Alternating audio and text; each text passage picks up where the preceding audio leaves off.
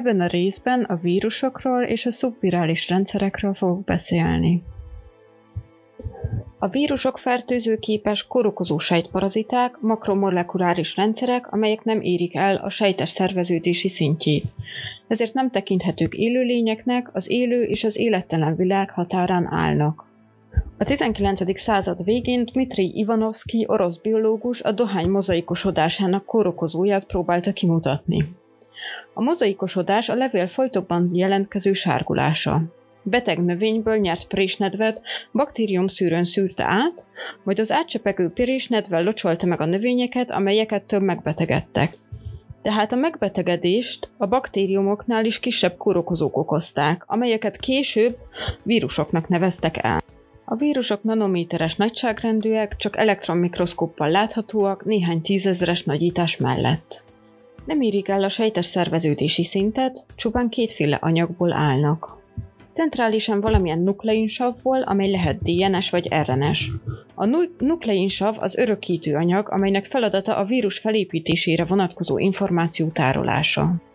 Perifériásan egy fehérje burok található, melyet toknak is nevezünk. Feladata az örökítő anyag védelme, illetve lehetővé teszi a megtapadást a gazdasejten. A fehérjeburok felépítése alapján a vírusok négy csoportba sorolhatók. Helikális, azaz spirális, ahol az örökítő anyaghoz csavarvonal mentén kapcsolódnak a fehérje alegységek, ilyen például a himlővírusa vagy a dohánymozaik vírus. Kubikális, azaz köbös, ahol a fehérjeburok szabályos szerkezetű ikozaéder, azaz 20 egyenlő oldalú háromszög által határolt idom.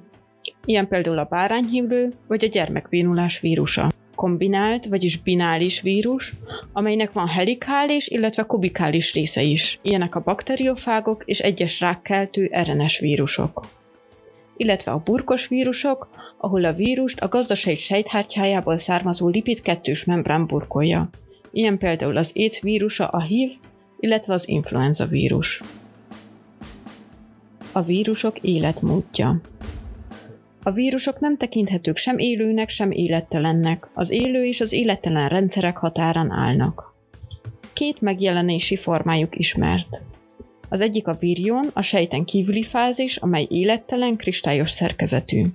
A másik pedig a sejten belüli vegetatív fázis, amely működő, szaporodó vírus. A vírusok önmagukban semmilyen életjelenséget nem mutatnak, nincs anyagcseréjük. A vírusok kizárólag azáltal képesek szaporodni, hogy megtámadnak valamilyen sejtet, behatolnak, átszervezik a sejt működését, és arra kényszerítik, hogy a saját anyagait felhasználva a bejutott vírushoz hasonló vírusokat hozzon létre. Ez a folyamat a sejt pusztulásához vezet. A jelenséget parazitizmusnak vagy élősködésnek nevezzük. A vírus által megtámadott sejtet gazdasejtnek nevezzük. A gazdasági típusától függően beszélhetünk emberi, ilyen az influenza, kanyaró, fertőző májgyulladás, agyvelőgyulladás vagy rubaula, állati, sertés, baromfipestis, száj- és körömfájás, illetve vezettség, növényi vírusokról, illetve bakteriofágokról. A vírusok többsége gazdaspecifikus, azaz kizárólag a rájellemző gazdaszervezetben képes szaporodni. Kivételek is ismertek, ilyen például a veszettség, száj- és körömfájás, tehénhimlő és a többi. A vírus tehát nem élő, mert gazdasági nélkül nem képes szaporodni, és nincs önálló anyagcseréje. De nem is élettelen, mivel a gazdaságba jutva annak anyagait felhasználva szaporodni képes, és megváltoztatja a gazdaság működését. Általában a paraziták betegség okozó képességét a patogenitással fejezzük ki. Ennek megfelelően megkülönböztetünk patogén és apatogén szervezeteket. Virulenciával egy konkrét kórokozó számszerűen megadható megbetegítő képességét adják meg. A kórokozó virulenciáját annak alapján ítélik meg, hogy hányan betegedtek meg, milyen súlyosságúak voltak a megbetegedések, illetve a fertőzöttek hány százaléka hal meg a fertőzés következtében fertőzésről, idegen szóval infekcióról. Akkor beszélünk, ha a kórokozó behatol a szervezetbe, és ott megtelepedve elszaporodik. Járványról, idegen szóval epidémiáról akkor beszélünk, ha ugyanazon betegség sokszoros, egyidejű fellépését tapasztaljuk bizonyos terület lakói között. A betegség lehet akut vagy heveny, ha 6 héten belül véget ér, illetve időlt vagy krónikus, ha 6 hétnél tovább tart. A vírusbetegség jellegzetes tünete a magas láz. A vírusok legjobban 35-36 fokon szaporodnak, így a láz nem kedvez a szaporodásnak. A vírusok fertőzésének lefolyása. A virion a közeg áramlásával jut el a gazdasejthez, hiszen önálló mozgásra képtelen. Ezután megtapad a gazdasejt felületén. A megtapadás specifikus víruskötő helyeken, receptorokon történik. A receptorok mindig az adott sejtípusra jellemzőek, így ezért gazdaspecifikusak a vírusok. Bakteriofágok esetén a megtapadás fehérjefonalakkal történik, majd a talpon található lízozim enzim kiukasztja a sejtfalat. A lyukon keresztül a DNS a sejtbe injektálódik, a burok kívül marad. A sejten belül a vírusok kétféleképpen viselkedhetnek. A vírus DNS-e beépülhet a gazdasejt DNS-ébe. Ilyenek például az RNS tumorvírusok, a herpes vírusok, a HPV vagy a HIV. A beépülés után a vírus sokáig észrevétlen maradhat, vagy még nem tisztázott okok miatt, például az immunrendszer legyengülése miatt aktívá válhat. Másik esetben a bejutás után azonnal megkezdődik az új vírusok képzése. A sejt elpusztul és szétszakad. A vírusbetegségekről. A tudomány jelenleg olyan vírusellenes gyógyszert nem ismer, amely megfertőzés esetén a vírusokat maradéktalanul megsemmisíti. Ugyanakkor például a hepatitis C és a HIV ellen ismertek már olyan hatóanyagok, amelyeknek köszönhetően a vírus gyakorlatilag eltűnik a testnedvekből, miáltal úgynevezett tartós vírusmentesség érhető el.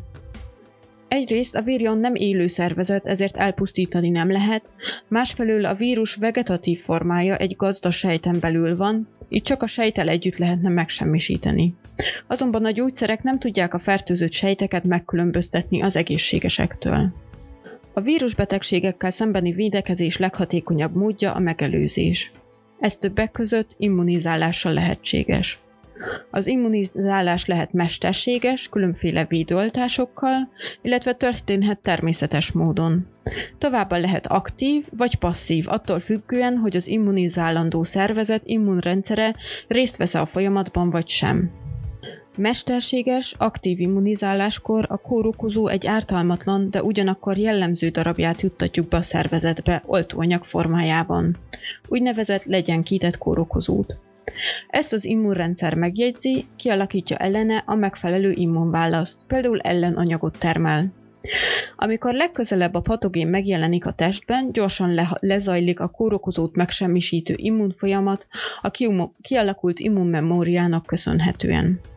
Ezt a védőoltást gyakran kísérheti enyhe betegségtünet, láz, ami az immunrendszer működésének köszönhető.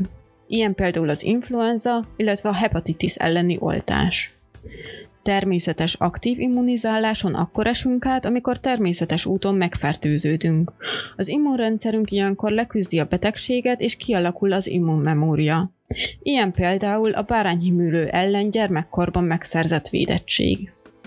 Passzív, mesterséges immunizálásról akkor beszélünk, ha más állatból kivont ellenanyagot juttatjuk a szervezetbe, ilyen például a tetanusz baktériumok elleni oltás. Ebben az esetben, mivel az immunrendszer nem játszik szerepet a védettség kialakításában, azaz passzív, nem alakul ki az immunmemória, aminek következtében a hatás csupán néhány hétre korlátozódik, amíg a beadott ellenanyagok a vérben le nem bomlanak. Passzív természetes immunizálás folyamata során szintén ellenanyag jut a szervezetbe, például az anyatejjel csecsemőkorban, illetve a mélylepényen keresztül a magzati korban. Az első mesterséges aktív immunizálás Edward Jenner angol sebész nevéhez fűződik, ő a himlőoltás feltalálója. Ismert volt, hogy a tehén himlővel megfertőződött, és a betegségen átesett tehenészlányok nem betegedtek meg a fekete himlővel. Ez felkeltette Jenner érdeklődését. Egy öt éves kisfiúnak adott be egy tehénhimlős lány kezén lévő húlyakból származó váladékot azaz tehénhimlő legyenkített kórokozójával fertőzte meg a fiút, aki viszont sikeresen átesett a betegségen. Később a fekete himlővel megfertőzve nem lett beteg. Jenner annyira hitt a sikerében, hogy 11 hónapos fián is kipróbálta. A tehén latin neve vakka, innen ered a vakcinázás elnevezés.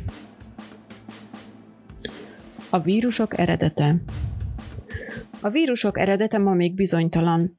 Legvalószínűbb elképzelés szerint a vírusok magasabb rendű szervezetek DNS-éből önállósult rendszerek.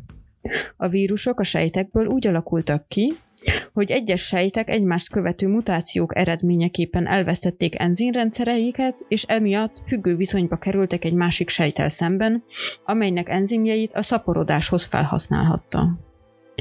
A vírusok rendszere egy mesterséges rendszer. Valamennyi rendszer mesterséges, mivel a vírusok eredete nem ismert. Ma körülbelül 45 féle víruscsoportot különböztetünk meg. Az elkülönítés alapja lehet nukleinsav minősége, súlya, a tog geometriája, illetve összetétele. Az AIDS.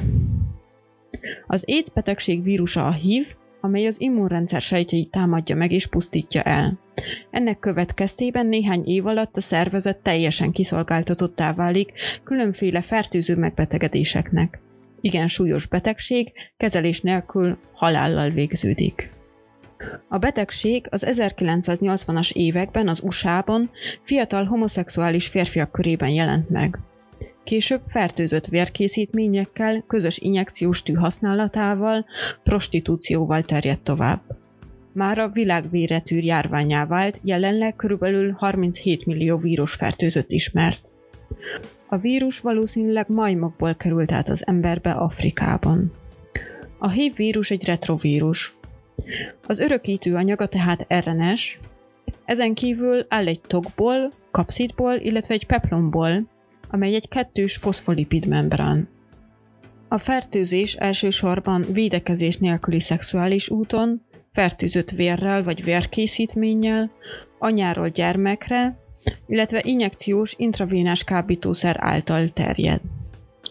Terjedhet egyébként nem megfelelően sterilizált orvosi eszközök révén is. Nem terjed viszont készfogással, puszival, rovarcsípéssel, közös WC használattal, illetve együttfürdéssel sem. A fertőzés lefolyása három szakaszra osztható. Három-hat héttel a fertőzés után influenzára emlékeztető tünetek jelentkezhetnek, esetleg nyirokcsomó meg nagyobbodás tapasztalható. A vírus elleni antitestek a fertőzés után egy hét, három hónap múlva mutathatók ki. A fertőzés után akár évekig tartó lappangási szavasz következhet, ez tart egy vagy 15 évig.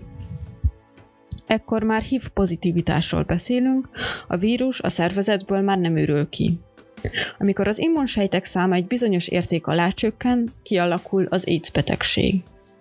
Ez hajlamot jelent az úgynevezett opportunista fertőzéses megbetegedésekre, azaz minden olyan kórokozó, ami a normál immunitású emberekre veszélytelen, az AIDS betegeknél súlyos, akár életveszélyes állapotot is elő tud idézni. Például tüdőgyulladás, hasmenés, gombásodás, TBC, hepatitis B, hepatitis C és a többi. Az influenza. Az influenzát magas láz, orfolyás, köhögés, fejfájás, rossz közérzet, az orr és légutak nyálkahártyájának duzzanata, végtagfájdalom jellemzi.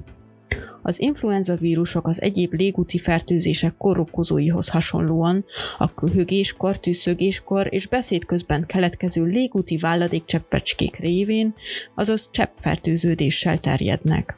Elsősorban a tüdőhámsejtjeit támadják meg. A megbetegedés elsősorban a légzőrendszert és a keringési rendszert érinti. Szövődményei a tüdőgyulladás, szívügyzomgyulladás, illetve agyvelőgyulladás.